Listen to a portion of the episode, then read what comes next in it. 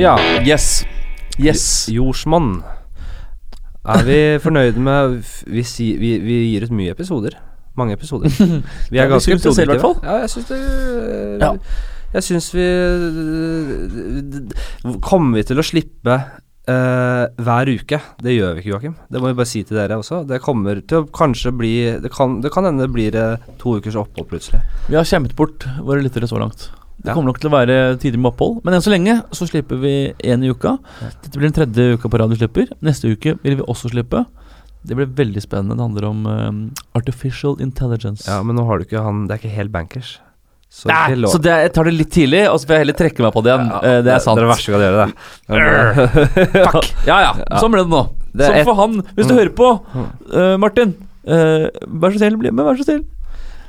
Vi, eh, det er jo da selvfølgelig et av de aller råeste temaene der ute. Og i dag har vi også hatt et fantastisk Ja. eh, Ja. altså, Vi kommer tilbake til det. Uh, hvis dere har noe å si til oss, det kan være hva som helst, vær så snill å, å skrive til oss. Jeg, kom gjerne med forslag til gjester vi kan ha Ja. i studio. Skriv til oss på Facebook, på Jordsmonn page på Facebook. Eller på Instagram, eller til oss Instagram. personlig, eller bare få det et eller annet ut der, på Mm. et eller annet måte. Rosteds gate 12, der bor vi. Kom med brev, gjerne. Gjerne brev! Ja. Hvis man virkelig mener noe. Ja. Altså, vet du hva? Det er, det er mye på hjertet, merker jeg. Hvis man virkelig mener noe, send brev.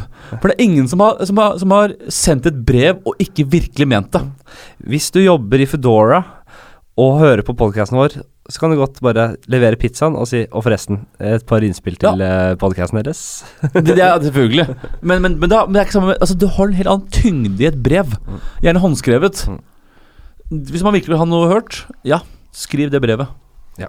Men Henrik, Ja, du er nå på vei inn i de voksne trekker. endelig. Nå skjer det. På fredag. Da tar jeg faen meg Nei, nå øh, Det er ikke sikkert det går, da, men jeg skal prøve å ta lappen på fredag. Oppkjøring. Ja. Klokka to på Billingstad i Bærum. Gleder du deg, eller? Du, jeg føler meg jeg, jeg, jeg gleder meg litt nå. Det blir Ja. deilig. Jeg- jeg gleder meg. Jeg har troa.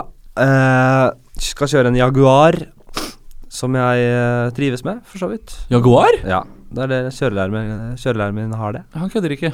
Den låner jeg av han på oppkjøringsdagen for flere tusen kroner, koster det for meg Mm. å låne den av han. Tror du det er mye penger i det å være kjørelærer, forresten? Ja, jeg har sett litt på Tallene hans? Tallene hans. Nei, har du det? Jeg vil tro han tjener godt over en mill i året. Godt over Hva, mill. ok, hva har han for selskap da? Han alene? Eller har han under Han seg har vel har hatt sitt eget foretak, men nå tror jeg han er en del av Bærum trafikkskole. Men han er ikke ansatt der, har jeg fått med meg. Ok, Så han alene som bare kjørelærer har over en million? Ja. Det er gode penger. Dette vet jeg. Jeg, jeg vet at det var en mil, for jeg husker vi snakka Vi snakka regnskap, og jeg, jeg, jeg er jo selvstendig næringsdrivende selv, Det er riktig. så jeg ga han litt tips, faktisk. Du ga han tips, ja? For jeg har begynt med fiken, sånn Ja. elektronisk Ja, regnskapssystem. ja. Uh, og bare snakka litt tall og fag, da. Ikke riktig. Så han kjører ja, Men i hvert fall, Jaguar på fredag. Ja. Kjøre opp. Så må man tenke Jeg fant det ut Det tenkte jeg ikke på, egentlig, før han sa det, at uh, vi kan høre på musikk. Jeg kan Mm. ha, enten ha radio, eller så kan jeg ha min egen spilleliste. Mhm. Uh, og så snakka vi litt rundt det. Tenkte jeg hva, hva slags musikk skal jeg ha? Og så kom jeg på Skal jeg ha klassisk, da? Skal jeg ha litt sånn Wagner? Eller mer litt sånn Skal jeg ha litt sånn lystig noe Mozart? Jeg er ikke så veldig inne i klassisk, jeg, men Er Mozart lystig og Wagner trist? Wagner er jo sånn Hitlers yndlingskomponist. Er det det? Er det det det er? Du kan ikke Nei. Skal skal bare cruise inn. Hard, knallhardt Ja, det blir eh, veldig, det blir veldig sånn start, stopp, sving, blink tsk. Ja, men jeg bare ser for meg at jeg, at jeg bare kjører som en uh, Rett inn i lapphimmelen, holdt jeg på å si. Førerkorthimmelen. Ja, ok, ja. Ja. Hva er alternativet da, fra klassisk musikk? Jazz blir for rotete. Ja, I hvert fall sånn derre bip-hop eller hva det er for noe, som bare er sånn, bare sånn Nei, men jeg, impro-jazz. jeg, jeg leker litt med tanken på en litt sånn stødig, grundig musiker. En som, eh, som Så det smitter over for meg, liksom. At det er grundig gjort. Det er, det er liksom ordentlig gjort, da. Det er, eh, det er trygg Altså, eh, du hører det Det oser trygghet av musikken. De vet hva de driver med. For det du ikke vil ha, er vel noe sånn der amerikansk rock, sånn ACDC eller Guns N' Roses. Da blir man jo villmann bak rattet. Progressiv rock. Jeg vet ikke hva det kategori det er, men det er sånn som man måtte bli gira av og keen på å virkelig ta den helt ut. Det vil du jo ikke på fredag. Jeg vet ikke. Du kan jo få en slags ro av det òg. Hva med jordsmonn? Hører på det? Høre på jordsmonn. Ja. Det, det Jeg tror alt er lov utenom det. Hva Jeg tror, jeg tror ikke det er lov å høre på sin egen podcast når du kjører opp. hva, Da tror jeg du stryker du kan, automatisk. Hva med å høre på meg? Jeg kan spille inn noe Din for deg. egne podcast som du har på, på siden av deg, mener du? ja. Ja. Uh, Mon. Hagens, Hagens uh, ti store. Ti store med Hagen. Ti store med Hagen. Nei, eh, men jeg kan spille noe for deg. Jeg kan snakke til deg, jeg. Jeg kan snakke til deg. Jeg kan si noe. Ja, Det er også gråsonen, da. Du er flink. Henrik, jeg er din gode venn. Ja. Henrik, jeg savner deg. Dette får du til.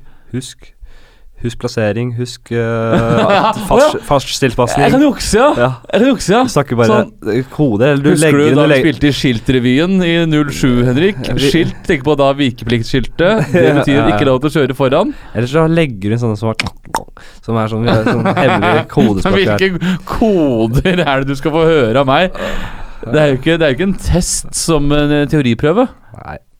Nå roter vi oss bort. Jeg skal i hvert fall ta den, jeg gleder meg. Jeg var jo, har hatt masse sånne kurs og kjøretimer, og det har vært en stor del av livet mitt de siste ukene. Jeg var på mørkekjøringsdemonstrasjon. Eh, mørkekjøring, Ja. på, populært kalt. Ja. Eh, Åssen gikk det? det, er, det er veldig mange unge folk som ikke Som skal ta trafikalt grunnkurs. Ikke sånn 16-15-åringer. Ja. Så jeg, det er tilbake på skolebenken. da. Er du en leder da for dem? Som den Ja, jeg tar litt ansvar. Jeg er liksom uh, Jeg prøver å liksom gi litt sånn ordet til de yngre. Hva tenker du om uh, Gir du det? Tar du rollen da som kjørelærer, eller som Ja, Hvis vi jobber i grupper og skal bare snakke litt løst rundt, eller reflektere litt rundt forskjellige ting, så, okay. så må jeg være en voksen person, ja. Ok. Jeg, øh, det var veldig. Vi var ute og fikk demonstrert i sånn sikkerhet rundt øh, kjøring i mørket og sånn. Uh, og da var det kjø en kjørelærer som kjørte bilen, og vi skulle liksom si uh, når man skal ta på av fjernlys og sånn, i møte med en annen bil som står parkert. Uh, og vi sa ok, nå må vi ta av fjernlyset. Og alt gikk uh, tilsynelatende bra. Og plutselig så hadde de rigga Da kom det en dukke ut i veien da, som de hadde ah! Og, han, Mm. og, og de hadde også forberedt et lite spill, skuespill. Ja. Så han læreren, han begynte å Hva i all verden er dette for noe? Hjelp! Og så stoppa han, og så kom det en dame løpende. Rull Og hun hadde også en manus. Rull ned vinduet! Rull ned vinduene! Knut ligger Hjelp! Nå er Knut Det var så dårlig. Ja. Utrolig dårlig levert. Jeg, jeg hørte du fortalte om det. Ja. Det høres altså så lite elegant ut. Hva tenkte du da? Jeg klarte ikke å holde meg. Jeg syns det var så utrolig komisk. Du begynte å le? Ja, men det at de kalte den Knut og sånn eh, men du ikke Stakkars begynte du å le av dem. Ja, ja, ja, De skulle spille i ganske trist scene, og så sto du som komiker og lo av dem. Jeg sa det at jeg har jo litt uh, skuespillerbakgrunn selv. Jeg har litt sku Ikke selv, jeg har, Sa du det? jeg har skuespillerbakgrunn. Og takk for alt dere har lært meg om mørkekjøring. Men jeg, jeg tenkte vi skulle ta litt grann Stanislavskij her nå. Ja, når Laban Jeg kan egentlig ta til alle. Dere er jo får sikkert noe dramaundervisning etter hvert, dere unge òg, men jeg kan jo ta litt sånn grunnleggende skuespillerteknikk her uh, eh, før vi avslutter, før vi går hjem. ja, ok. Men jeg ønsker Henrik i hvert fall lykke til på fredag. Takk for det. er på vegne av jordsmonn-skaren. Ja. Lykke til. I den grad det er en skar. Ja. Hva er en skar? Det er jo faktisk ganske mange, det. Jeg er med vilje vag. Jeg tror kanskje vi er en skar nå. Det er jo noen, det er hundre lyttere, ja. Ja, det er, Som- det er, som mer enn det Som, som mer enn det. rigger seg til når det, den nye Nå- episode kommer. Det er noen tusen lyttere. Ja, det er det. Ja, Ja, ja. Jo, Jo. Vi, vi eh, Takk for det. Tusen takk. Det Ja. blir deilig å få Jeg skal faen meg lease meg en bil. Eh, Jeg skal bruke litt penger jeg, på å, kjøre rundt aleine i en bil jeg låner eller leier. Kose meg. Vi gleder oss til det. Ja, okay. Dagens episode. Oh, Ole det- Martin Moen. Jeg har hatt skikkelig lyst til å snakke med han her. Ja. Transhumanisme. Ja. Hæ? Hva, hva Man vil jo ikke daue. Man vil jo ikke dø. Man vil jo oppleve eh, fremtiden. Eh, og når man ikke er religiøs og tror man kommer til himmelen eller helvete eventuelt, så, så er det noe i oss som ønsker at uh, det skal være noe mer. Men man må ha et håp, da. Og han her har valgt å løse det på, med teknologi. Eller potensiell teknologi. Og frys, skal da fryse seg ned hvis han dør. og i håp om å bli li- li- opplivet i en Mm. annen tid. Og det er deilig å prate med folk som, som han, fordi han Det er liksom Lars Gule. Han, har, han er så flink til å svare for seg. Han har, er så, han har så tydelig tankerekke på hvorfor han gjør de valgene han gjør. Mm. Så Det er så enkelt å følge han. Og hvis det er noen spørsmål vi har som ja, det Er ikke det rart? Så kan han svare for seg så, så elegant. Men og det er behagelig. jeg har hørt han snakke annet Trygdekontoret, og Ja, han har blitt grilla på forskjellige etiske utfordringer og, og, og, og sånn ved, ved det han tror på og står for. Uh, og jeg syns han snakker godt for seg. Uh, og kommer sjelden på glattisen, altså. Han, har, Ja, ja, ja. han er jo filosof, så han tenker veldig mye. Han har tenkt gjennom alt, alle potensielle spørsmål. Han er kl helt klar for alt som måtte komme hans vei. Så eh, det er ikke så mye mer å si, egentlig. Nei, uh, Jeg holder meg ordentlig, det sier vi hver gang, men det er jo, jo vi, vi, vi gjør det. Jeg tror jeg aldri har ment det så mye som jeg gjør nå. Jeg synes jeg, jeg hadde det skikkelig hyggelig nå. Det er hyggelig å høre, Henrik. Kos dere så mye med episoden med Ole Martin Moen. Kos dere mye. Kos dere mye. Det var dere kose dere. Yes, kos dere. Kos dere, Hei, kos dere. Hei.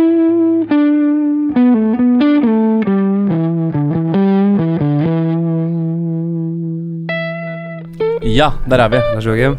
Der var vi. Nei, du, bare, du, du kan bare skyte når du vil, Kim. Du skal ikke bare sitte bak spakene, du. Det er viktig at du får slippe litt til. Det Ja. syns jeg. Um, Joakim, nå er jeg litt spent på hva du tenker om døden. Rett og slett. Hva som skjer etterpå? Ja, hva tenker du om selve døden og etter, etter døden? Livet etter døden. Jeg har valgt et ganske behagelig syn på det for meg selv. Ja. Det er at det enten er helt svart, eller så har eh, mitt veddemål om at kristendommen var riktig religion, eh, vært den, eh, en god, et godt uh, Ja, bet. For du har ikke gitt deg på det? Kristendommen? Nei. Nei. Og så kommer jeg kanskje til himmelen, eller som tilsvarer himmelen. Ja, men hva, hva, hva vil himmelen si for deg? Hva er det du har sett for deg oppi huet ditt, og hva er, hva er det for noe? Ja, men Nei, men la meg spørre. Du kan da, svare men- enkelt. Du kan godt svare enkelt. Et eller annet sted hvor jeg kan um, ha gode dager. I evig tid. Det er litt tilnærmet evig. Tilnærmet evig. Men du kan, kan du ta livet av deg i himmelen? Jeg tror ikke jeg Med Gud som vitne? Jeg håper jo ikke at jeg har lyst til det, da. Hvis hvis du har Gud foran deg, hvis Gud er der oppe øh, og ser på deg, så er det et hån mot han og hans øh, rike da, å drive og ta livet av seg. Ja, selvfølgelig, men må, altså, ja, ja, enig. Ja. Så da har han bomma. Altså, hvis jeg tar livet av meg der oppe, så sier jo det at det himmelgreiene han driver med, det funker ikke. Ja, Det holdt ikke for meg. Det holdt ikke for meg i det hele tatt. Nei. Så det vil jo skape dårlig stemning der oppe. Så det hadde kanskje vært deilig med et etterliv i vår verden. Nei, for det er det, ikke sant. For da begynner man å komplisere det. For hvilken del av meg er det som da kommer tilbake til vår verden? Um, For det er litt av det vi skal snakke om i dag. det er det der. Men hva, kjapt, hva, Ja. hva tenker du om uh, døden? Nei, jeg tenker litt litt det samme som deg. Jeg, for meg så Jeg syns det virker mest sannsynlig at det blir svart. At uh, Hvorfor skal det være så mye mer enn det? Vi er jo bare organismer som uh, alt annet. Bare litt vi, vi kan reflektere rundt vår egen eksistens, men det virker mest sannsynlig for meg at det blir svart. Uh, men jeg utelukker ikke helt at det kan være en slags bonus. At det, man kan, at det kan være et eller annet vi ennå ikke har forstått, men at det har noe med eh, religiøse tekster å gjøre. Okay. Det, det, det finner jeg veldig veldig vanskelig Men å tro. for å trekke to podkaster sammen Det jeg tror, for du sier lyset går Det jeg tror er vel at ehm, Det som mange tenker på da det blir svart, er vel det samme som vi snakket om med at hva er ingenting i den episoden uh, med Frode Hansen. Ja. Som, altså, ingenting er ikke et vakuum, for det er jo noe. Men ingenting er at det ikke er noe. Og sånn som når vi dør, så blir ikke lyset borte, for det impliserer at det er et lys som bare blir mørkt. Men det er bare, det er bare ingenting. Ja, men du skal gjerne ta med den bevisstheten din inn i et, et eller annet etterliv. Da. Jeg vet ikke. Jo, er hvis det, utrolig- ja. hvis det blir svart. Men jeg tenker i hvert fall lev livet som uh, om uh, ingenting vokter over deg og passer på deg. Kos deg. Mm. Og mest sannsynlig så er det slutt når du dør. Vi Men får se, da. kanskje det finnes en bonus. Kanskje det er med en bonus. en her som kan Kanskje noe om det der. Henrik. Ja, Ole Martin Moen. Velkommen. Hei, hei. Hei, hei. Du, um, har, jeg har hatt veldig lyst til å snakke med deg uh, siden jeg så Trygdekontoret. Mhm. Mm. Der, der startet min fascinasjon for transhumanisme. Jeg ikke visste noe om før jeg så denne episoden. Det ble en litt sånn der, Det var en litt interessant eh, episode med mange sterke meninger. Og litt, kanskje litt Jeg fikk, følte kanskje at han eh, Thomas Seltzer var litt sånn latterliggjørende. Uh, og jeg tror mange andre er det. Liksom, når de hører om hva du uh, tenker og du ønsker å fryses ned, uh, litt sånne ting, så kan kanskje folk bli litt sånn eh, litt latterliggjørende. Litt eh, ja, riste litt på hodet og tenke at det, dette er bare tull og tøys. Men eh, før vi går inn på transhumanisme og at du skal fryses ned, det er vel to eh, ting vi absolutt skal inn på. Hva, hva, kan du fortelle litt om bakgrunnen din? Det kan jeg godt. Ja. Eh, Jeg også heter Ole Martin Moen. Jeg er 32 år gammel. Jeg er forsker i filosofi på Universitetet i Oslo. Eh, Og Der jobber jeg leder for et forskningsprosjekt som handler om anvendt etikk. Og anvendt etikk er på en måte den biten av eh, filosofien og av etikken da, som handler om hvordan vi kan bruke etisk teori til å tenke klarere om veldig konkrete temaer. Eh, Jeg jobber spesielt med si, grensen for hva som bør kunne kjøpes og selges. Så spørsmål om f.eks. surrogati, prostitusjon, kjøp og salg av menneskelige organer og blod og den slags type ting, er det jeg forsker på for tiden, da. Men liksom bakgrunnen min, da, dette er på en måte det jeg jobber med nå, men bakgrunnen min er jo da at jeg jobber med filosofi, jeg er fagfilosof, og også da noe av det som på en måte har gjort at jeg har kommet mye i media i det siste, da, de siste årene egentlig, Ja. er dette med transhumanisme, da. Ja. Det Fordi hva, hva er uh, transhumanisme? Jeg har jo prøvd å lese meg så mye eh, som mulig opp på dette her, men det er det mange av lytterne våre som ikke har. Og da tenker jeg at du er den beste til å forklare hva transhumanisme er, og hva dere tenker. Ja, det er litt gøy med ordet transhumanisme. For bare et par år siden så var det jo aldri nesten nevnt. Eh, Du sa jo selv du hadde ikke hørt om det før da. Men så plutselig så har det på en måte blitt mer og mer kjent. Bare for noen år siden eh, så var det altså, altså ganske ukjent. Jeg husker jeg holdt et, et foredrag, og da var det en eldre dame som eh, kom bort til meg etterpå og spurte ja, ja, du er transhumanist altså? Eh, så sa jeg ja, ja, jeg er vel det. Så sa hun ja, jeg syntes jeg kunne se at du har vært en kvinne. så, eh, men den type ting kommer ikke lenger. Hva svarte Eh, du? Eh, nei, jeg, jeg bare flirte av det. Eh, eh, og, eh, men nå tror jeg flere og flere vet at transhumanisme på en måte er noe annet enn transseksualisme. Ja. Eh, og eh, eh, det er på en måte et begrep da, som brukes mer og mer selv uten forklaringer. Så det har på en måte vokst veldig fort. Men hva er det altså, da? Ja. Og jeg tror det er litt forskjellige måter å kunne forstå transhumanisme på. På én måte så er det liksom en slags bevegelse av folk som er opptatt av å kunne bruke teknologi da, til å kunne gi oss mye lengre liv. Kanskje kunne klare å overvinne døden på en eller annen måte. Kunne klare å gjøre oss lykkeligere, kanskje snillere. Altså bruk av teknologi for å bli langt, langt bedre da, enn hva vi er per i dag. Eh, men Så er jeg- robotikk, bioteknologi, alt som innenfor teknologi. Alt man har, bruk det Nei. for vårt beste. Eh, ja, for vårt beste. Eh, det, er, det er jo sant. Altså, det, er klart, man Som transhumanist trenger man ikke å mene at det er lett å kunne lage en veldig mye bedre verden med teknologi. Man kan også være åpen for at det er veldig mange store, veldig viktige, skumle fallgruver langs veien dit også. Men på en måte hvis man mener at det ville vært bra, hvis vi fikk det til, å bruke teknologi til å gjøre livene våre mye lengre, mye lykkeligere, mye mer empatiske f.eks., så ville det ha vært en god ting. Og Det ser jeg på, på som det essensielle da, i et sånt transhumanistisk livssyn. Riktig så. Men min Apple Watch er vel i retning transhumanisme? Ja, den er jo en form for teknologi da, som hjelper oss til å leve bedre liv. Og på en måte så har den, har den kanskje noe litt transhumanistisk ved seg. Fordi en del teknologier er jo på en måte laget for å rette opp i våre skavanker. Altså du kan få en protese f.eks., eh, du kan få all verdens medisinske behandlinger som får deg på en måte opp til normalnivå igjen. Men det, si, det store spørsmålet er jo skal vi bruke teknologi også til å komme oss over det normale. Og det er klart, du kan jo tenke at en Apple Watch f.eks., ja, den kurerer jo ikke noe sykdom egentlig, den gjør en bedre. Eller kanskje verre, da. Det er jo et åpent spørsmål. Men i hvert fall den er et forsøk da, på å gjøre oss på en måte til noe mer, da. Men jeg tror det er viktig å huske også da at, at det virker jo på en måte radikalt å skulle gjøre slike ting. Og en Apple Watch er jo ikke veldig radikal i dag, men litt radikal. Men tenk på armbåndsur f.eks., som jo er mye eldre. Det er også en litt sånn radikal transhumanistisk, hvis man vil, da, idé. Man fester en mekanisk tidmåler på hånden sin, liksom, og går rundt med den. Eh, og det er sikkert hvor på mange tenkte som en veldig unaturlig, veldig sånn kald, fremmed ting å gjøre. Men så blir man vant til det over et par generasjoner, og plutselig så er man veldig vant til det og har en masse kultur og tradisjon knyttet til akkurat disse tingene. Så det startet for veldig lenge siden det her. Si at eh, Apple Watchen din blir innebygd i hånda. Da snakker vi transhumanisme.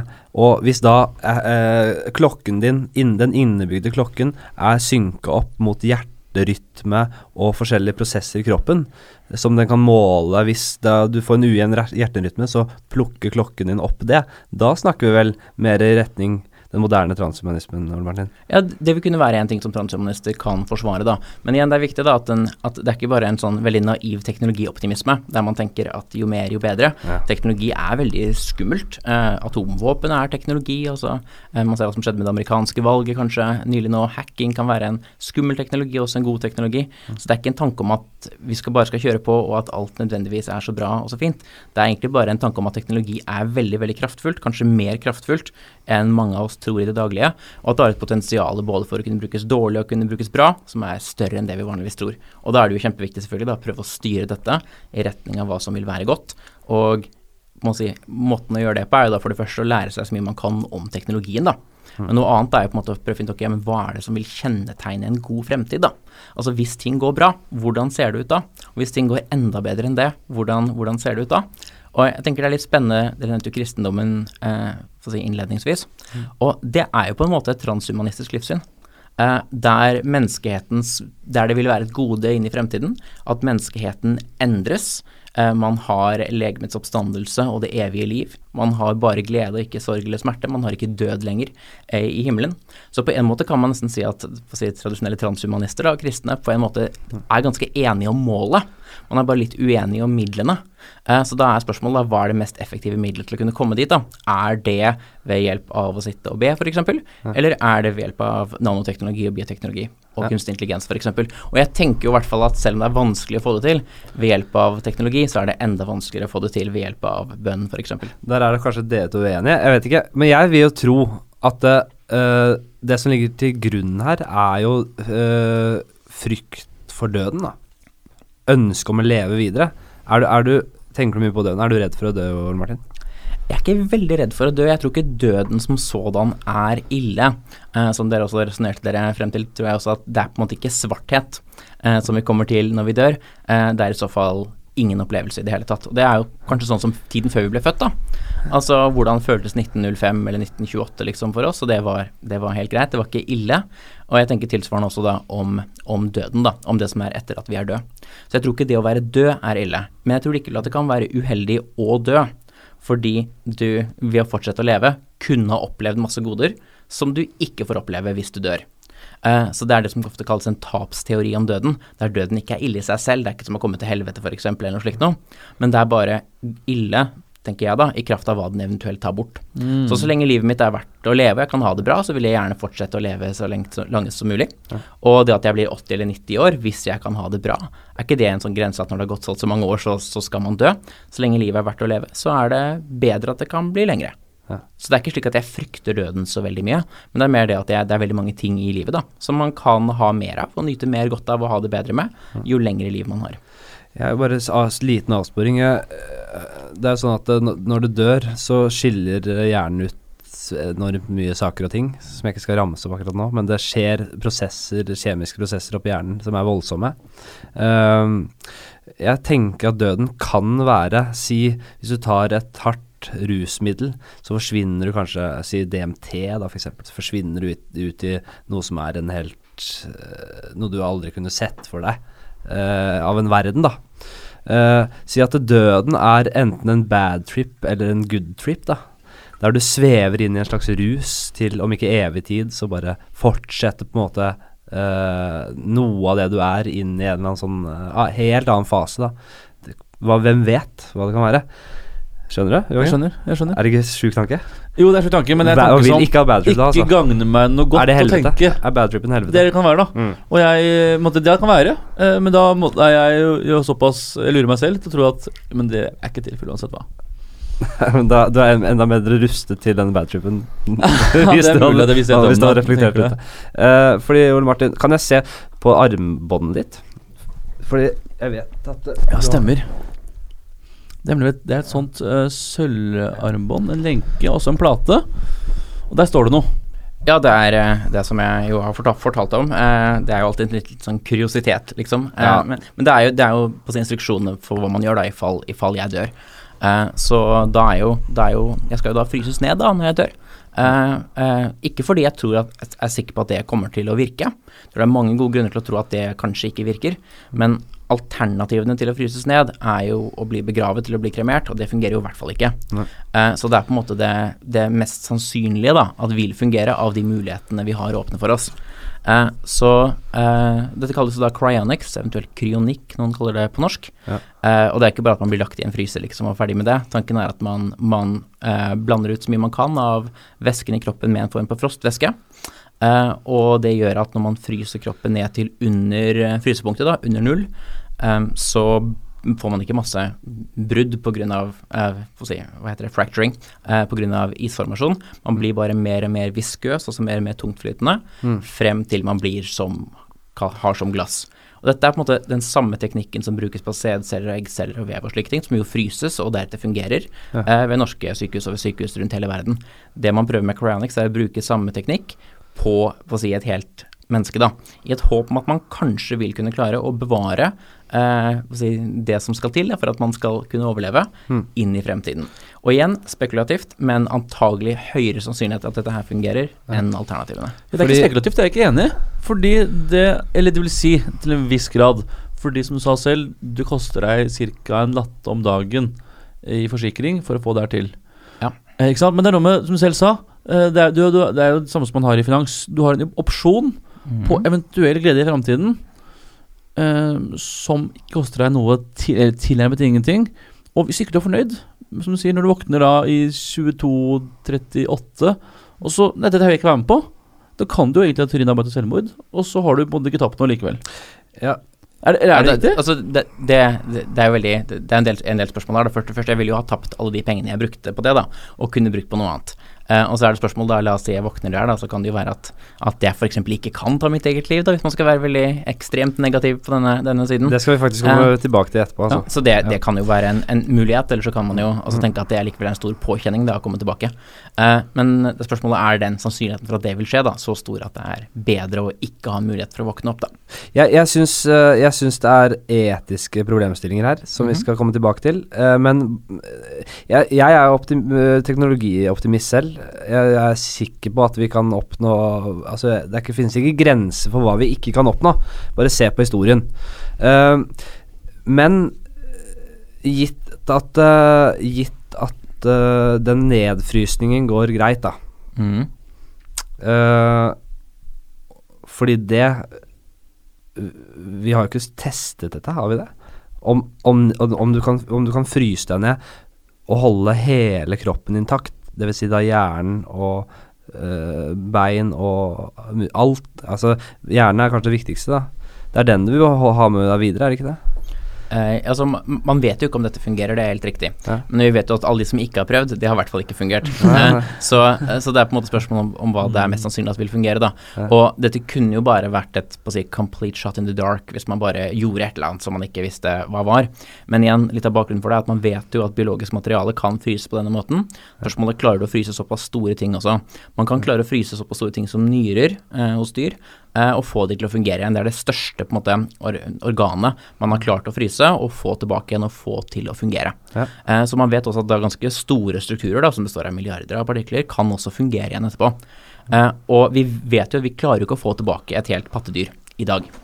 Eh, men eh, og, Så det, det er helt klart, det, det kan vi ikke få til. Spørsmålet er bare kan vi klare å preservere så godt at det vil kunne være mulig i fremtiden å få den Ja. tilbake. Ja. Det er da spørsmålet. Eh, nettopp. Eh, men når du sier at du Du virker litt sånn vel naiv når det kommer til uh, denne prosessen etter din uh, potensielle død. da. Eh, Eller ja, potensielle død, det er riktig å si det. På hvilken måte er jeg naiv om den? Nei, jeg tenker det kan høres litt sånn ut, fordi du fikk ikke forklart ordentlig hva uh, Hva skal vi gjøre? Si at du dør her nå. Hva skal vi i rommet her gjøre? Hva skal ambulansepersonellet gjøre? Hvordan skal de få deg til eh, dette stedet i USA? Og dette har, vet jeg, fordi jeg har hørt deg fortelle om det tidligere. Men jeg sier for folk som ikke har hørt deg snakke om det som, den prosessen etter du da kan si at du dør nå, da. Okay, så Det er det jeg mener. Nettopp, så dette er da, da et spørsmål ikke om hva som skjer etter jeg har blitt frosset ned, Nei, nå- men hva som skjer før jeg eventuelt blir frosset Ja, ned. og dette er mer for lytterne. Ja. Eh, altså, hvis jeg faller om nå, så det eh, Så skal det nok mye til at dette vil fungere. Eh, håpet mitt vil jo være ett av to. Eh, enten eh, så vil jeg håpe at jeg dør på en måte som gjør at jeg kan holdes kunstig i live. Eh, og da har jeg denne forsikringen dekker også nok til å kunne få meg med et ambulansefly til USA, slik at jeg kan kobles av eh, de maskinene som trenger for å holde, for å holde meg i live, på Alcor, heter den organisasjonen, sitt operasjonsbord. Eh, og det er ofte mulig å holde folk i gang selv om de er ganske betydelig skadet, og selv om man tenker vi får dem aldri tilbake, eh, så er på en måte det håpet å kunne holdes kunstig i live.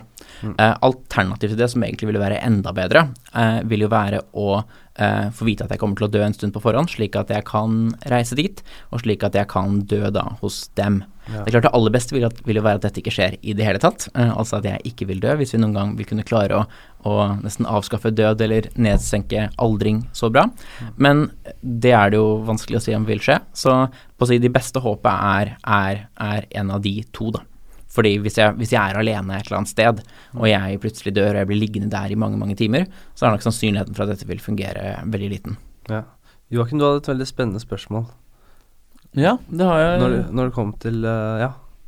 Jeg tror du vet hva jeg sikter i. Jeg vet ikke helt, faktisk. Snakket litt om det i stad, det med um, uh, hvorfor ikke uh, bare gjøre det nå. Ja, det, det er helt riktig. Mm. Nei, jeg sitter og hører her på på her nå, og så blir jeg jo Ja, jeg får ti nye spørsmål også. Men ja, fordi, ikke sant, det er den derre eh, man, De fleste som er gamle, sier jo Og så skjønner jeg veldig godt at de er gamle og måtte ha tenkt annerledes på ting, men de sier også at de Nå er vi slitne, og nå når du dør nå, ja, da er det greit også at man faktisk legger seg ned, og så er det over.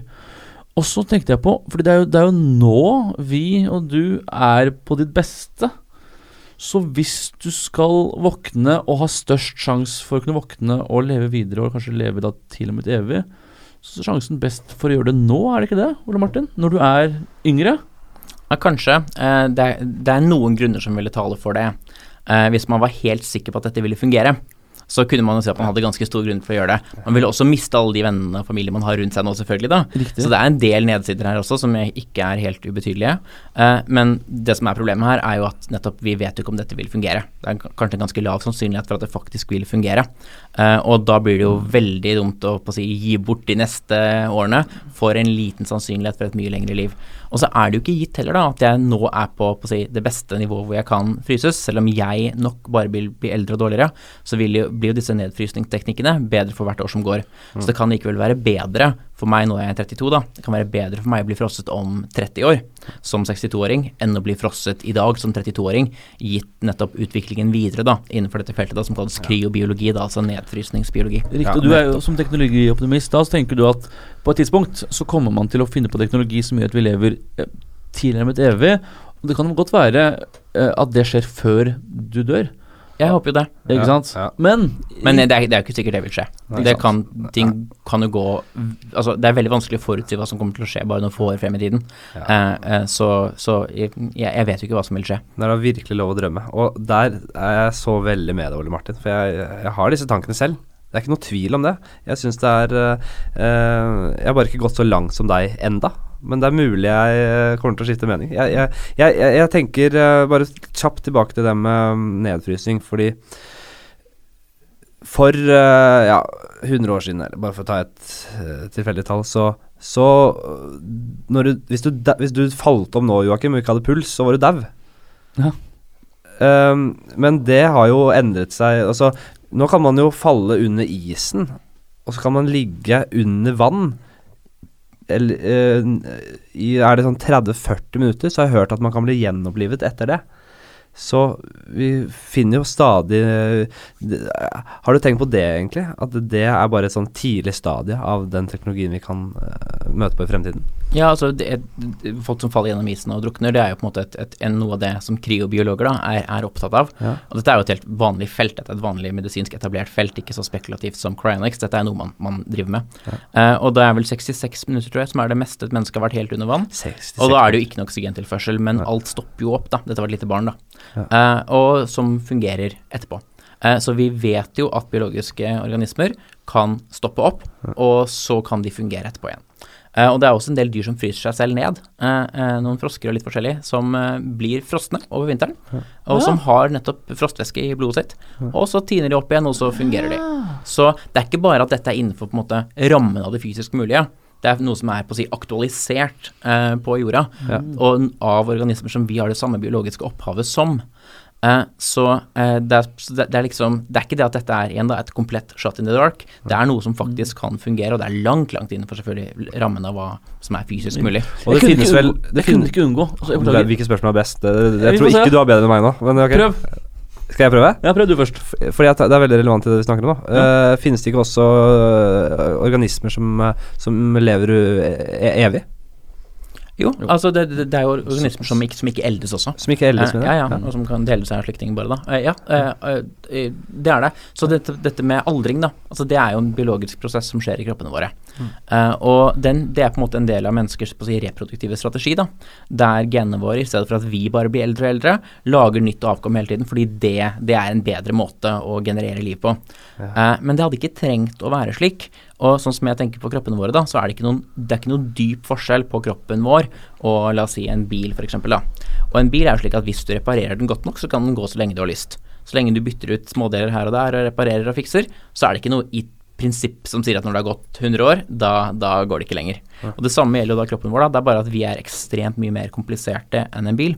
Men jeg tror likevel ikke at og jeg tenker som medisinfaget, da. Det på en måte graver seg på en måte mer og mer inn i vår kropp. På lik linje med at si, mekanikkfaget på en mye enklere måte da, graver seg inn i biler. Eh, så det er ikke noe prinsipielt som står i veien for dette. Og igjen for ikke å å si, det, det, det er jo spørsmål om, om si, naivitet og sånn her, da. Men jeg tror en viktig ting som også knytter seg til det vi snakket om i kristendom, er dette med håp. Eh, håp er en ting som eh, kristne stort sett har vært ganske gode på. Eh, og et håp handler ikke bare om en et helt urealistisk utopi, men det handler om å si, feste sinnet ved veldig gode ting som kan skje, men som det kanskje er en liten sannsynlighet for at vil skje. Og Det tror jeg er noe som mange på å si, mister litt ut av syne. da, Det tror jeg er veldig dumt for oss, for det tror jeg er veldig viktig for å både motivere oss og for ikke minst å ja, få oss til å se de mulighetene som er der, da, og ikke avslå en mulighet bare av den grunn at det er lite sannsynlig. Smart. Eh, Det er helt noe bak. Mitt spørsmål Ja. ganske annerledes. Ja. Og jeg kunne ikke unngå å legge merke til eh, benevningen. Du sa at barnet fungerte igjen. Altså, det, det, Ja, ja. 100 samme barnet, helt friskt. det var ve veldig lite barn, da, men man, man, folk kan falle gjennom isen og i lang, mange minutter. Og de fungerer igjen etterpå. Du kan jo selvfølgelig mene at dette er en annen person, Ja. men de har, de, hvis du skal være streng på det, så er det vanskelig å vite. Uh, men de, de, folk fungerer igjen helt utmerket. Og man har også begynt å gjøre dette, faktisk. uh, ved en del amerikanske sykehus. I Pittsburgh særlig har de vært uh, på dette. eh, hvor folk kommer inn med enorme skader, hvor man da kjøler de ned til så vidt over frysepunktet, fordi det gjør at man kjøper seg mye mer tid til å kunne reparere skade i kroppen før ting begynner å degenereres, som vi gjør med varme. Og eh, det, dette er jo en av de mange tingene når man ser på en måte at, at eh, kulde, da Vi vet jo alle dette, vi har en kjøleskap og fryser hjemme, liksom. Ja, ja. Det er en måte å stoppe degenerering av biologisk materiale på. Ja, ja. Eh. Se på de der de finner i isbreer rundt omkring, da. Ja. Mennesker, flere tusen år gamle mennesker. Som, Ja. eh, Og det var jo ikke intendert engang. Det var jo bare på, på si, slump. Mm. Og spørsmålet hvis vi virkelig prøver, da, med det vi kan av teknologi nå, og det vi har av teknologi om en del tiår, eller 100 år frem i tid, er det da mulig å få en tilbake, liksom? Og jeg tror på en måte vi bare dytter det litt ut av sinnet vårt, for vi vil liksom ikke tenke på at det er mulig, for da plutselig kan vi bli engstelige for at dette burde vi jo gjøre. Ja. Men, men jeg tror det er mer enn noe som forteller oss noe om vår psykologi, og ikke noe om hva som kommer til å bli medisinsk mulig. Ja, og så tror jeg også, Det handler om det du sier der, og så handler det om at mennesket er ikke vant til å kunne skjønne at så store endringer kan skje. Så, altså det, det er jo altså, Hele historien er bevis på det. Eh, man, eh, man, eh, også det at man overvurderer hva som kan skje på ett år, og så undervurderer man på ti år. Og hvis man snakker om 100 år fram i tid altså det, det er liksom Ja. Vi kan fly, ikke sant, potensielt. Og så høres det noe som en ja, Mm. Det kan vi allerede, da. Hva sa du? Vi kan fly allerede. Det kan vi gjøre, men Mm. jeg kan ikke bare lette der jeg sitter nå og bare fly ja, på så- studio. ja, men det, det er ikke det, det, er ikke så, det er ganske lenge siden vi lærte å, å få flymaskiner opp i lufta. Men det er vel bare de siste 10 eller 20 10 årene kanskje man har fått faktisk klart å kan, kan, kan, Er det ikke folk som kan fly med sånne vinger nå? Er det det? ja, og så så jeg en sånn derre fyr som hadde sånn derre Du vet, har sett uh, Spiderman? Han derre gob... Hva heter han? Goblin Det er ikke dokumentar, tror jeg, Henrik. Nei, go, hva heter han derre grønne? Grønne. Ja, jeg vet hva. Goblin, er det ikke det? Goblin. Han har sånn der maskin som han flyr på sånn tallerken. Ja. Men det er ikke bevist Det at man fins Det fins nå. kan Fins det? Ja, det gjør det. Ok. Mm. Så ok Ja. jeg, er ikke, jeg, jeg blir ikke sjokkert over noen ting lenger. Og så må vi inn på uh, Nå har jeg prøvd å lese meg litt opp på CRISPR-teknologi. Mhm. Det her er jo da eh, ed editing av det menneskelige genom, da. Og der har de kommet veldig langt på Jeg skal ikke prøve å si så mye mer. Kan ikke du Altså, Jeg vet jeg- at du heller ikke er noen ekspert, Ole Altså, Martin, men jeg, jeg, jeg er ikke biolog og skal ikke uttale meg altfor mye om, om CRISPR-teknologien. sånn sett da. Nei. Men tanken er at vi kan, det gjør det mulig for oss å kunne redigere gener på en helt mye mer presis måte enn før. Ja. Eh, og det man gjør, er at man har funnet en liten genklippemekanisme eh, som man kan mate med informasjon om hvor den skal klippe. Og da klipper den for oss eh, på en mye mer nøyaktig måte Ja. enn hva vi tidligere hadde klart. Og dette gjør jo da det kan man tenke at man kan skape superbabyer og supermennesker og slike ting, som er nå én ting man kan for så vidt gjøre med det, kanskje. Eh, noe annet man kan gjøre, som jeg er veldig redd for, man kan, som fungerer, er biologisk krigføring. Som man kan lage langt bedre eh, virus og eh, bakterier enn hva man har gjort før, som gjør meg ganske redd for den teknologien. I hvert fall at denne spres utover. Eh, såpass fritt som den egentlig er, da. Jeg er jeg er ganske bekymret for det. Eh, og jeg syns det på en måte er litt rart da, at det man har en offentlig debatt om, det er disse superbabyene som er kjempelykkelige og kjempeempatiske og lever kjempelenge. Tenker, Det er jo det gode utfallet. Og det er det folk er bekymret for. Mens de dårlige utfallene i biologisk krigføring, det er det ikke så veldig mye snakk om i offentligheten. Eh, så det er vel eh, en del snakk om uh, biologisk noe. eh, terror og sånn. det er noe mer, og ikke minst det er jo en del si, Black Mirror og disse seriene som det, da, Ja. begynner også å få folk litt øynene opp for at si, problemene som teknologi kan og sikkert også vil bringe. da. Ja. Og som jeg syns det er igjen viktig at transhumanister er veldig klare på at ja, det, det er store mulige onder her. Det er ikke det, det vi benekter, det er bare at det også er store mulige goder. Ja, men nå, for nå må vi litt inn på transhumanisme. eh, du, vil, du, har, du, ønsker å fryses ned hvis du dør, Ja. men det er jo et worst case scenario. Du vil jo ikke dø. Ja, det Du er ikke vil- worst, det kan bli torturert og sånn, men det er, det er ganske ille, ja. Det, det, det worst case scenario er jo at du blir fryst opp, og så er det uh, no, De som fryser opp, de vil deg alt annet enn godt. ja Og setter deg inn i en evig sirkel av lidelse. Det blir jo som å havne i helvete, da. Ja, Religiøst. det, ja, det er helvete. Men det Ja, du tror ikke på helvete heller, den bibelske helvete. Så Nei, hvorfor, jeg, er ikke kristen. Så. hvorfor tenke så mye på Nei, worst case scenario? Da, men, Men, men det man kan huske er at de folkene som kommer til å vekke meg opp igjen, da, de kommer i hvert fall til å være ganske teknologisk avanserte. Ja. Uh, jeg, jeg, jeg, jeg tror ikke det er IS som kommer til å tine meg opp igjen. Uh, jeg vil tro at det er uh, Det er i hvert fall det er den, de som får meg frem igjen, da. De vil være veldig teknologisk avanserte, og de vil presumptivt også ønske å få meg tilbake. Eh, klart, nå har jeg jo en del av disse pengene jeg bruker på det, kan jo også brukes til det. Eh, fordi de pengene som brukes til å holde meg på å si, bare frosset videre, da. Jeg har satt av så mye penger at renten alene av det, etter jeg har frosset ned, er nok til å bare holde ting kaldt. Men den lille fondet, da, det kan jo brukes opp på å tide meg opp igjen når den tid kommer. Eh, og de som eventuelt gjør det, vil jo da ha teknologien til å kunne gjøre det, ellers så klarer de det ikke. Og de vil ønske å få meg tilbake igjen, da. Uh, hvis, de, hvis det da, da kommer til å skje. Og det er jo et spørsmål, ja. Kan jeg vite at det ikke kommer til å være forferdelig? Uh, og jeg kan ikke vite det. Men det er litt på samme måte, da. Jeg kan ikke vite at jeg ikke kommer til å bli bortført og torturert i morgen heller. Men jeg begår ikke selvmord i dag av den grunn, for å unngå det. Og det er klart, det er mer spekulativt her, da. Altså, hvor, altså jeg vet jo ikke hva som vil skje enda lenger frem i tid, men det er på en måte noe av den samme logikken, da. Med fare for å flåse det til, jeg må bare si det. Jeg tror jeg ville Og dette mener jeg. Hvis jeg hadde fryst meg ned, og hvis jeg kunne velge selv når jeg skulle fryse meg ned, så hadde jeg nok gått for en sånn liten sånn uh, cyanidpille. Sånn som uh, nazisten hadde. Det er ikke dumt. Så hvis, det, hvis du våkner opp og det viser seg at det er et helvete, så, så biter du den uh, giftpilla. Ampullen. Skjønner du hva jeg mener? Jeg, jeg, jeg vil tro at de som eventuelt tidligere var opp igjen, ville oppdage den, og at de, hvis det var viktig å plage meg, hadde klart å ta den ut. Ingen har sett James Bond sin, til så vidt jeg Ja. vet. Så jeg, jeg tror ikke Men jo, det jeg mener er at du ønsker vel at teknologien skal komme såpass langt før du dør, Mm. at du kan leve i Jeg tror ikke Jeg vet ikke om du ønsker, ønsker å leve evig, men jeg regner med at du kanskje vil leve en uh, Hvis du kunne velge med 500 år, kanskje? Ikke 1000 år? Spørsmålet er på en måte Ja. Spørsmålet har, har litt gale, gale premisser. Men du, ja, fordi, det, fordi det tar for gitt at svaret er en tidsmengde. ja, men og du vil i spørsmålet hvert er bare hvor lenge livet mitt er. Nei, hvor lenge vil- er det verdt å leve? Ja, Du riktig. vil oppleve ting, og det Ja. skjønner jeg godt, for jeg vil det selv. Jeg vil se hva som skjer. Jeg har ikke lyst til å dø om 60 år, Nei. eller 50 år, fordi det er så mye spennende som kan skje. Ja. Men det er det og det- det tar, det tar jo for så vidt aldri slutt, det, da. Spen det kommer jo alltid til å være nye spennende ting. Men det si Ole, med Henrik på det her, ikke sant, er at Vi kommer oss aldri dit jeg vil. Nei, Men du, det, jeg må bare, jeg må bare Ja. for, for det, det er enig med Martin her, ikke sant? Ja. Du, du sier du ikke vil dø om 60 år. Det vet du ikke. Kanskje du fra og med et år av og utover egentlig ønsker å dø fordi du har så vondt. Jo, men jeg, jeg du, du, du tror jo at man ønsker å leve videre med smerter, og som en eldgammel mann. Det er jo ikke det man ønsker. Man ønsker jo å finne teknologi som, eh, som reverserer celledød, og som holder deg som kan, Der du kan bytte ut organer og kroppsdeler, sånn at du kan leve som en ung, frisk person i flere hundre år. Det er vel det vi ønsker og det vi tenker oss her, er det ikke det, da? Det hadde vært fantastisk hvis Ja. vi klarer det. Ja, så det er det, vi, det er det du ønsker, framfor å dø og bli fryst opp igjen eventuelt. Ja. Eh, så hva er det du Hva er det dere Når du sitter med andre transhumanister og andre eh, som tenker mye på dette her, hva slags teknologi er det dere ser for dere kan komme? Eh, dette med celledød, da. Mm. Det vil jeg tro er det som må endres. Der, vi, der, må vi, der må vi skjønne noe som vi ikke skjønner i dag. Kan man da bruke f.eks. CRISP-teknologi?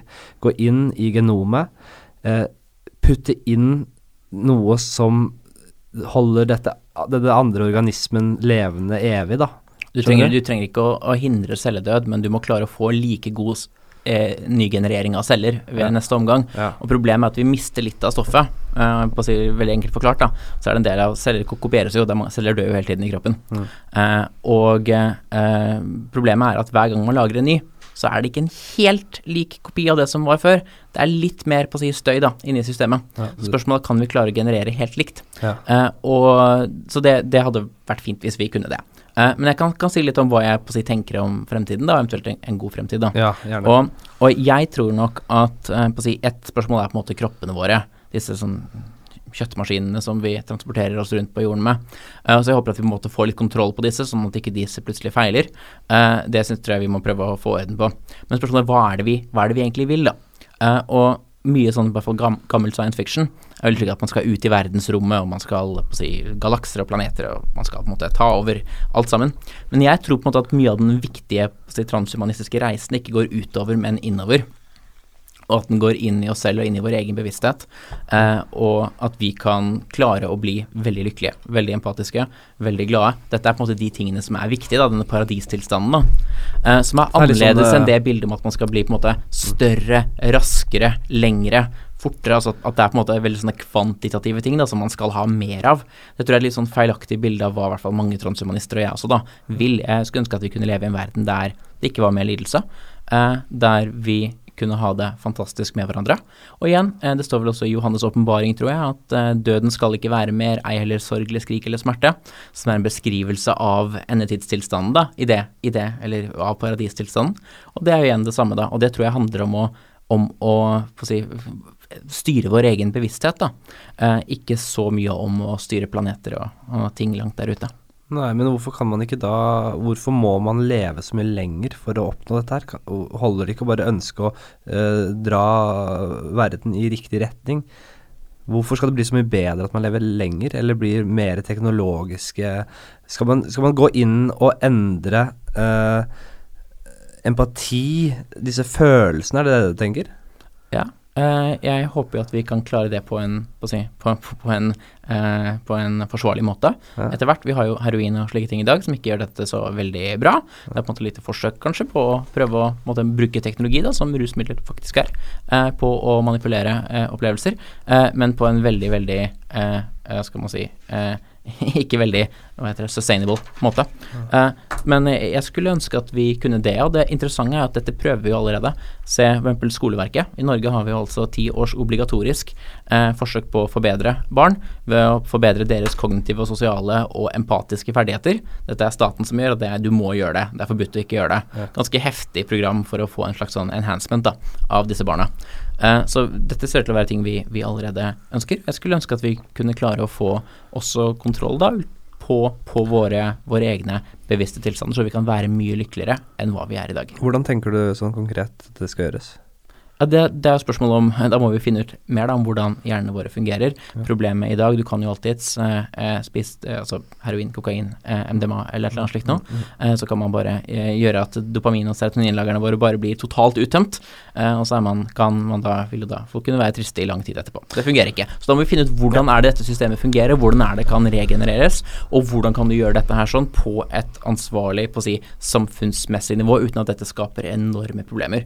Og jeg, jeg tror jo nesten da at hvis vi skal kunne klare å på en måte overleve den enorme teknologiveksten som vi har da, som også fører til at man kan drive med biologisk krigføring f.eks., så må vi bli kvitt disse steinaldersinnene som vi har, Ja. som gjør at vi er aggressive, veldig partiske, veldig kortsiktige. Vi vil ikke endre mening fordi vi er så sta. Veldig sånn in-group, out-group-tenkning. Dette fungerte veldig bra i, på, si, på den afrikanske savannen for noen hundre tusen år siden. Kjempebra. Eh, det fungerer ikke så godt med de verktøyene vi har i dag. Eh, så da tenker jeg at det viktige da er ikke bare å manipulere omgivelsene, men nettopp da, som transhumanister essensielt sier da, Ja. at vi bør søke å, endre også oss selv. Nettopp. ja, For, for, my, det, er, det er ikke så mye som har forandret seg biologisk siden den gang. Siden vi var på, si, på savannen i Afrika eller, eller utvandret inn i Europa eh, og var i naturen og, og var nærmest som aper.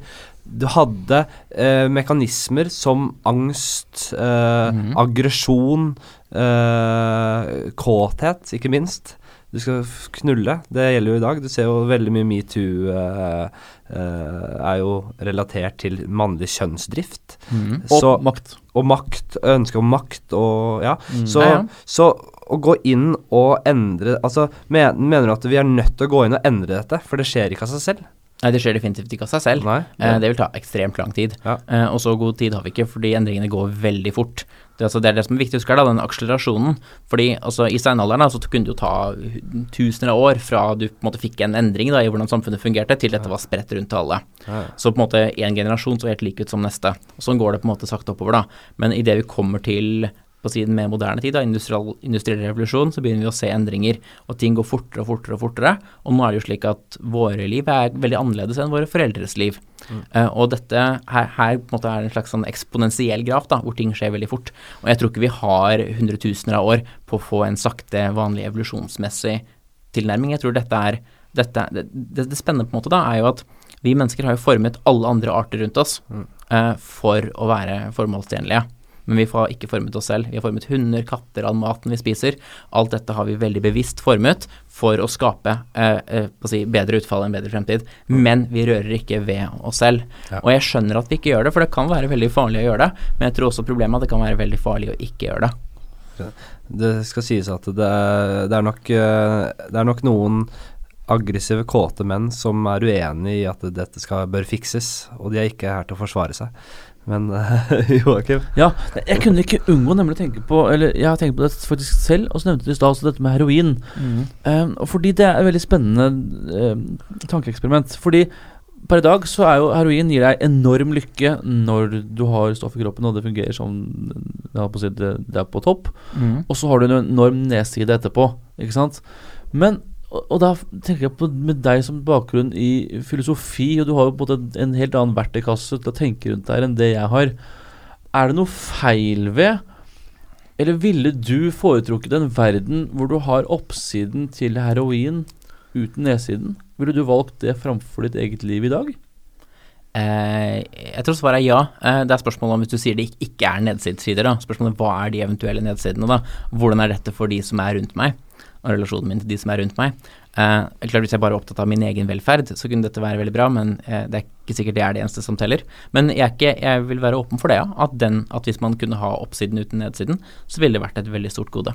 Ja, fordi jeg bare Nå skjønner jeg det vanskelig for deg, jeg kan tenke meg selv også, bare. Hvis jeg kan velge nå å ha, e har lykke til jeg dør eh, Jeg opplever ikke noe annet enn ek ekstrem lykke, Mm. men jeg kommer til å ligge i senga resten av livet mitt. Mm. Det er klart at uh, det høres jo uh, ut som et godt liv. For Mhm. meg alene, om enn noe egoistisk. Mhm. Og det man ofte tenker til når man skal vurdere det, og som gjør at man ikke tenker at det er så veldig, si, så veldig bra, da, tror jeg har litt med å nettopp tenke på omgivelsene sine, og hvordan de vil ha det. Og så er det klart, det å bare ligge i en seng hele dagen er ikke noe man assosierer med noe godt, selv om det her er noe helt annet da, på innsiden. Så tror jeg mange også vil tenke at ja, du kan bli veldig kjedelig eksempel, og ensformig etter hvert da. Men det er på en måte en slags negativ følelse. Så hvis du skal ta eksperimentet mm. på å si alvorlig, så har vi ikke det heller. Riktig. For da har vi negative følelser. Riktig. Så du har bare denne formen for bliss eller glede, da. Eh, Riktig. eufori. Eh, og ja, jeg tror det for den personen vil være en, en, en veldig god ting. Og så kan vi si at ja, men de rundt meg vil jo ikke ha det bra, og det er vondt for meg Eller det er potensielt vondt for meg, da. Fordi Og vondt for dem. Vondt for dem, men det er ikke vondt for meg. Nei, nei. Fordi da er man jo i fase uansett. Det er riktig. Så um, ja, det, altså, jeg må, jeg må litt tilbake igjen, nemlig til eh, det vi snakket om her, med, med dette med, med, med evig liv. Mhm. Fordi ja, i anledning Ingmar Kamprads død på lørdag, det var Ikea-grunnleggeren, Mhm. Ja. Jeg har tidligere vært verdens rikeste mann. Han døde vel som ja, sikkert topp fem, i hvert fall. Rikeste mann i verden. Mhm. Og da, eh, Dette fikk vi høre om på når jeg var på hytta med min mor og stefar. Og det første min stefar sa, var Ja, nå er han død, og da hjelper det ikke å ha penger. Nå er han død. Nå er han død. Nå hjelper ikke med penger. Altså en slags dansk, Ja. det er riktig. Ja. Mhm. Eh, men det, er liksom, det er liksom fattigfolkas hevn over de rike til en viss grad. Det er at, liksom at de kan ha så mye penger de vil, men vi skal samme sted. Ja. Men det kan jo potensielt endre seg nå. Mhm. Og er det noen utfordringer ved det som du tenker over, med det at man kan leve evig? Eller Ja. potensielt det leve evig? At dette blir det rikes lekegrind, liksom. Ja, det, jeg er enig i at det er, en, det er en innvending man må ta veldig alvorlig. Uh, men jeg tenker at det er litt, også en litt sånn en morsom eller interessant innvending, fordi uh, hvis man mener med Cryonics f.eks. Uh, at det er et problem at bare de rike har tilgang til det, så går man jo med på at dette er et gode. Fordi hvis det ikke var et genuint gode, så hadde du ikke gjort noe bare de rike hadde tilgang til det. Så man tar på en måte for gitt da, at dette faktisk er en bra ting, når man har den innsigelsen. Eh, og det er klart, hvis man tar for gitt at det er en bra ting, så må man jo da søke å spre denne bra tingen til så mange som mulig.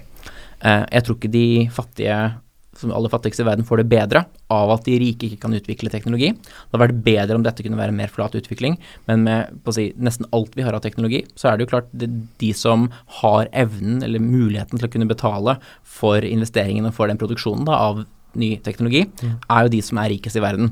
Og verden er skikkelig, fatt, skikkelig uh, urettferdig, det er forferdelig. Men er det slik at noen får det bedre av at vi prøver å stanse utviklingen blant de rikeste? Og jeg tenker jo at det er veldig usannsynlig at det vil komme noen til gode. Det er bra at den utviklingen skjer. Vi må prøve å få den til å skje så fort som mulig, så, så flest mulig har tilgang til den.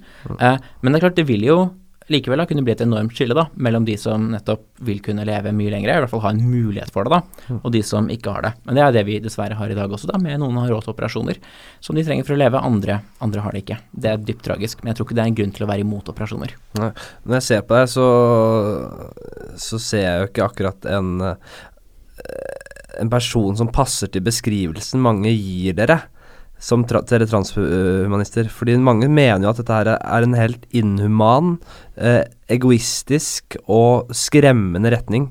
At vi skaper vi, At dere ønsker å skape overmennesker. Da de som har ressurser til det, blir, kan utvikle seg selv og gjøre seg selv til overmennesker, både genetisk og uh, robo, eh, form av robotbein og jeg vet da faen, jeg. Lasersyn og alt som måtte, måtte komme. Eh, men er altså, Og du virker jo ikke som en par- du, du sier at du bare vil, godt med det her, men å dyrke denne eh, symbiosen av Homo sapiens og, og robot, eh, roboter er, er ikke det her er, Her må man være jævlig forsiktig i så fall. Altså, dette Fordi- er det vi har gjort i et par hundre år, da, å dyrke den symbiosen. Bør man ikke stoppe helt opp, Ole Martin, og bare ok Sånn som jeg leste de gjør med CRISPR-teknologien. De har stoppet mm. opp for å gå gjennom etikken eh, og, og, og konsekvensene ved den teknologien. Er det ikke litt sånn Bør man ikke ta det litt med ro her og prøve å finne en måte der alle kan dra nytte av dette her? ja, At det jeg- ikke skal bare være en gjeng som liksom tar og eh, sier hasta la vista og bare drar ifra? Jeg tenker Man kan være en transhumanist, så kan man kombinere det med sympatiske teorier, eller veldig usympatiske teorier, og det er for så vidt en form for transhumanisme likevel. Eh, så det er, transhumanisme er på en måte bare synet på at det finnes en mye bedre fremtid, potensielt sett, som vi kan skape ved hjelp av teknologi. Ja. Eh, og hva som hva den som kjennetegner den, og hvordan vi kommer oss dit, eh, det er på en måte et spørsmål som transhumanister jo kan være, være uenige om. Jeg tror det er en slags sånn demonisering som ikke er helt rettferdiggjort. Ja. Eh, men, eh, men, men ja. Eh, så spørsmålet burde vi på en måte prøve å stanse teknologi, da. Og for en del ting så er det et spørsmål ja, kanskje vi faktisk burde det. Eh, kunstig intelligens kan, i det, hvis det klarer å virkelig eksplodere, så kan det være at vi nå er en slik situasjon at vi ikke klarer å håndtere det på en god måte. Det kunne, kan være et argument for å prøve å sakke ned denne utviklingen. Ja. Eh, problemet med det er at vi er et slags våpenkappløp, eh, der hvis e- et land si, er moderat, modererer seg, så er spørsmålet hva gjør da andre land? Og Problemet er at det er kanskje en så stor gevinst da ved å komme først. Og dette vil komme uansett, men du vil være den som er der idet det kommer først. Ja. Derfor får man jo da et våpenkappløp som gjør at man kan få internasjonale avtaler om å forsøke å begrense utviklingen, samtidig som alle landene, for mange av dem, eh, på å si privat og helt hemmelig, søker å utvikle dette her videre. Eh, så det er ikke lett å stanse og regulere teknologisk utvikling. Og det jeg håper, er jo at disse teknologiene blir eh, utviklet i liberale vestlige demokratier eh, først. Og jeg håper ikke vi modererer oss eh, på en måte som gjør at en del andre langt mindre og langt mer autoritære regimer er de som kommer først til disse teknologiene, for det vil være veldig mye makt når man kommer dit. Ja. Så man tenker at hvis det er et våpenkappløp, at da må man moderere seg, men det kan også være et argument for faktisk å vinne. For det er ikke noe tvil om at det kommer. Eh, kunstig intelligens uh, Det kommer. Det er jo kun, det finnes jo. Det finnes. Du så uh, første, første Artificial Intelligence Computer sl uh, har lært seg å spille sjakk, liksom. Og ikke bare som en vanlig sjakkcomputer, men den lærer seg uh, Den lærer kontinuerlig ved å spille mot seg selv. Spille da tusenvis av kamper, bare kjøre på, liksom. Og så det her finnes, ja. Og det kommer ikke til å stoppe.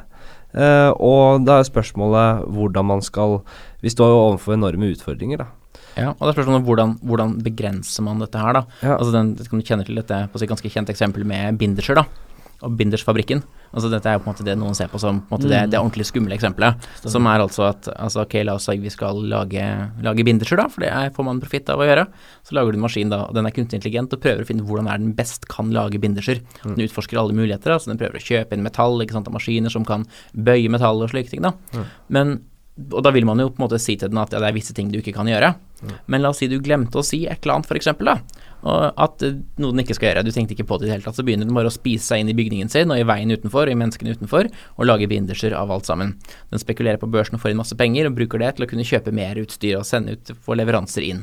Så kan du se at den her vokser mer og mer da, og konverterer mer og mer av verden til binderser, eh, fordi eh, den har det som sånn, sånn operative mål. da, Den skal lage binderser, det var det som var det algoritmen sa. Så da lager vi binderser. Og da kan du se for deg at hvis den virkelig er intelligent, da, så vil den prøve å stoppe enhver som prøver å strekke ut stikkontakten. ikke sant? Det vil være en, måte, en ting som vil bryte med dens mål om å lage flest mulig binderser. Så da kan du se for deg da at du får en sånn bindersmaskin som bare spiser opp mer og mer av jorda, og eventuelt solsystemet, da, som bare konverterer alt til binders. Eh, og, og, eller hva enn det måtte være, da, som noen klarte å trykke at det skal vi lage, for det er fint å ha mer av. Eh, eh, og det er jo et litt skummelt scenario, med mindre vi er veldig glad i binders. Eh, men det kan kanskje bli litt mye av det gode. Og hva enn det skulle være, da, så må vi på en måte unngå at slike ting løper løpsk, så langt vi kan klare. Eventuelt at hvis den løper løpsk, så klarer den å skape noe veldig nytelsesfullt, og ikke binders. Det er det man kaller singularitet, er det ikke det? Satt litt på spissen. At det på en måte det bare kommer til et punkt der man mister kontroll. Ja, singulariteten er den eksplosjonen i, i intelligens eller computing power Ja. som kommer idet du har en kunstig intelligens som for hvert nye sekund kan skape en kunstig intelligens som er bedre enn hva den foregående var. Eh, og Så det er tanken at selv om altså, historien har gått veldig fort på å si frem til når den akselererer oppover, men idet du får en kunstig intelligens eh, som er eh, like bra da, som oss mennesker, Ja. eh, så trenger vi ikke mennesker for å lage den neste igjen. Da lager den seg selv, og da lager den en enda bedre igjen. og da er tanken at da, da eksploderer det. Eh, og da er jo det frykten, da, at da kan, vil jo i løpet av bare et par timer eller dager, da, så kan det jo hende at vår relasjon til den er som vår relasjon da, til kakerlakker og slik. Ja. Eh, og da har vi ikke så mye å stille opp med. Si at den eh, Ja, ikke sant. Ikke lar seg kue. Den bare har sin egen agenda. Ja, du ser bare se på den lille intelligensforskjellen mellom oss og aper, f.eks. Mm. Uh, det er ikke veldig mye intelligensforskjell mellom oss, egentlig, men vi har ganske god kontroll på dem. Uh, vi har dem i bur. Uh, vi flyr dem dit vi vil. De hadde ikke hatt sjans om de prøvde å gjøre et opprør. Så bare en liten advantage intelligensmessig kan gjøre ekstremt mye, fordi intelligens er så kraftfullt som det er. Jeg syns vi har hatt en fin oppbygging på denne episoden her, jeg. Nå er vi eh, Vi skal Hvis du går mot slutten her Hvor langt har vi gått nå, Henrik? Nå har vi holdt på inn eh, litt over 50 minutter. vi. Vi har det, ja. Så Men vi, vi, vi, vi Har du et spørsmål, Joakim? Jeg, jeg har Jeg syns jeg bare for, jeg, Når vi er inne på liksom etikken rundt der, altså Jeg syns du svarer veldig godt for deg. Jeg skulle ønske jeg kunne satt deg litt på glatt. At du bare Ja, greit, fader, der, der, der det tok er du bare, meg. bare kjøre på. Jeg, skal, jeg, jeg prøver bare å være ærlig her, da, om jeg- hva jeg tenker ok, og føler. greit. Det her kommer sikkert Det har du blitt, sikkert blitt spurt om før, og det kommer det, i, i, har, har, du ikke blitt, har du ikke blitt spurt før, så kommer det til å komme. Disse caffè lattene du betaler hver dag Mm. til at du, skal, at du selv skal fryses ned Ja. eh, fordi at Ole Martin Moen ikke er ferdig på denne jorda om Mm. eh, 60 år. Ja. Kunne ikke de pengene blitt brukt til de som faktisk har det helt jævlig? Jo, det kunne de. Mm. Uh, og jeg er jo egentlig tilhenger av effektiv altruisme og syns det er viktig å si til de som, som uh, sliter i verden. Uh, men også jeg tenker at ja, det er, det er et av de bedre argumentene mot dette. Men da tenker jeg igjen da at det er ikke noe verre å bruke pengene på dette enn å bruke dem på nettopp en caffè latte, da. Eller å bruke dem på å eie en hytte, eller å eie en fin bil, eller å eie et finere hus enn hva man trenger, eller å dra på en ferie. Altså jeg tenker det er nesten Altså her er det snakk om faktisk å ha muligheten til å leve et betydelig lengre liv, da. Eh, og da er spørsmålet er det en ting som det er greit å bruke, bruke for si, noe penger på en selv for å oppnå, da. Og man kan jo mene at nei, det skal man heller ikke. Alt skal gå til å donere til vaksiner og myggnett og slik rundt i verden. Ja. Men jeg tenker at da er det ganske mye man må ta av da, før man kommer dit. Eh, så, eh, så Men ja, jeg er åpen for at det, det er en mulig innvending. Jo, men jeg, jeg, jeg, Janteloven er ikke transhumanistens beste venn, kan man Nei, si. men, men jeg er jo men det, jeg er jo, ja. men Norge så blir det bare Jeg vil tro at det er utførende i Norge. Ja, derfor, håpe, derfor bør man jo ha flere sosialdemokratiske eh, transhumanister som mener nettopp at det er viktig at man har en viss kontroll og regulering av dette, at man har en viss omfordeling av ressurser, som jeg mener er kjempeviktig. Mm. Så jeg håper at Norge virkelig kan bli et sted da, hvor disse teknologiene kan, kan nå frem, da. For jeg syns Norge er et bra land. Jo, men det er sånn at det er et fåtall av oss som kan Altså, det er jo Problemet er jo caffè latten, ikke sant, som er på folk flest. Det er fåtall som kan kritisere han og si Men dette her funker jo ikke, du kan jo ikke dette blir brukt på, på uhjelp.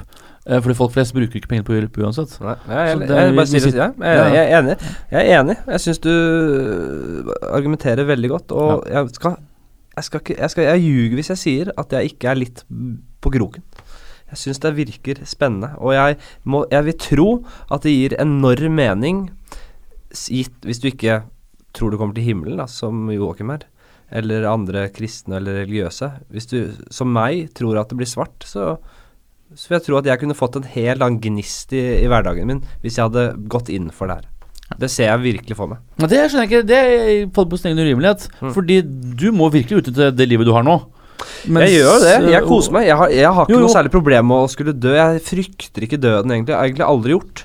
Men jeg syns det er litt trist. Jeg tenker over det av og til at det, faen, Jo, men det her skal bare bli slutt. Og det syns jeg, jeg er rart. Og jeg synes det, det vanskeligste med det er at det, jeg, det er så mye jeg ikke får opplevd. Det er så mye jeg ikke får sett. Jeg, jeg, si at vi en dag møter eh, eller får kontakt med, med intelligent liv et annet sted i universet. Om vi ikke møter de fysisk, så får vi kanskje inn de signalene der vi klarer å kommunisere, der vi får kommunikasjon fra et annet vesen. Det får jeg mest sannsynligvis ikke oppleve, og det er jævla trist. Det gjør meg trist av og til, selv om jeg ikke frykter døden i seg selv. jeg skjønner Henrik, men du har jo virkelig Du må virkelig utnytte det resten av livet ditt. Ja, Hvis ikke du skal leve videre. mener du? Jeg, men, Det- altså, men jeg er bare spissen, ikke sant? Som, ja, jeg skal leve, etterpå, leve evig etterpå og være ulykkelig. Altså, jeg kan jo bare pff, Nå har jeg det Dette er bare en mellomstasjon før det blir virkelig rått. Ikke sant? Det er ikke alltid det å ønske noe fører til at det skjer, da. Nei, nei. Det kan en man må faktisk ta skritt og gjøre ting i den fysiske verden for å realisere de målene man har lyst til å nå. Riktig, men i mitt kristne tilfelle så trenger jeg jo ikke det. Mens du i ditt tilfelle må vel det i større grad. Jeg skal ha nå, nå må, må, Det er en ting jeg holdt på å glemme nå, men som jeg har hatt veldig lyst til å spørre deg om. Fordi jeg regner med at du har tenkt mye på dette her. Ok, gitt Jeg prøvde vel å begynne på det i stad, men så kom jeg ikke helt i mål. Gitt at, du, at nedfrysningen går bra, eh, at du ligger i en kapsel, eh, og at det kommer teknologi etter hvert som får deg eh, til live igjen. Ja. Si om 100, mellom 100 og 200 år, så er det noen som tar deg ut og får deg tilbake i livet. Hvor har du sett for deg hvordan den verden eh, er?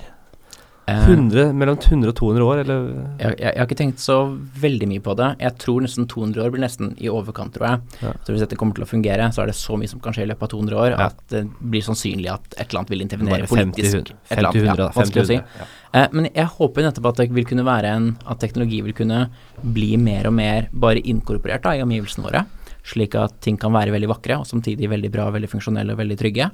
Eh, så jeg håper jo å kunne eh, leve i en verden med masse farger, masse glede, masse mennesker, masse empati, og rett og slett kunne ha det veldig bra, da. Så jeg håper nettopp på et slags sånn paradisaktig ting. Det er ikke så mye hvilke gadgets er det, og hvor fort kjører vi. Og liksom, det, er- det er ikke de tingene jeg sånn sett eh, får si, drømmer mest om, da. Så jeg har ikke så mange tanker om okay, hvordan skal det se ut, hvilken farge skal det være på veggen, liksom. Eh, men jeg har jo en håp om, håp om at vi kunne klare å få litt da, mer kontroll på menneskeheten, våre egne psyker, våre egne, egne bevisstheter, slik at vi kan ha det bedre enn enn hva vi har det i dag. Når du snakker om dette, så, så, så får jeg litt bilder, så, så dukker det opp- bilder fra, fra, fra filmen Avatar i hodet mitt. Hvis dere har sett den? Ja, den har jeg sett. Der er- eh, disse skapningene på den andre planeten, de lever i symbiose med naturen. Veldig intelligente, veldig god teknologi, selv om det er biologisk teknologi, kan du si. Uh, og så har du disse menneskene som kommer med disse robotdraktene sine Mm. og skal ødelegge og uh, ta kontroll selv. Eh, har du de kontrastene der? Uh, Ja, jeg vil heller være på, på å si, den, den, den, den myke siden av dette, da. Ja, ja. Og det er klart, naturen rundt oss og biologi er jo en form for teknologi, det også. Det er bare en som har oppstått uavhengig av oss, og som vi har oppstått fra. Og jeg ser ingen grunn til at ting skal være kaldt og hardt og brutalt på noen måte. Jeg syns det skal være mykt og fargerikt og varmt og flott. Jeg tror det er den type verden da som vil være, være verdifull, og derfor den vi bør søke å fremme. Jeg tror ikke vi får en bedre avslutning enn det. Jeg tror ikke jeg heller. Jeg vil, jeg, det, får, det, får, vi ikke. Jeg har noen spørsmål som jeg kan spare. Jeg vil veldig gjerne uh, høre mer om det du jobber med til daglig. Det syns jeg virket veldig spennende. Men jeg kunne ikke begynne på det da, selvfølgelig. Det var veldig hyggelig om du kom tilbake igjen. Ja, det er altså så spennende. Men enn så mm. lenge, takk for denne episoden her, eh, Ole Martin. Ja, det var takk. veldig hyggelig at du var med. Takk for praten. Tusen takk. Hei.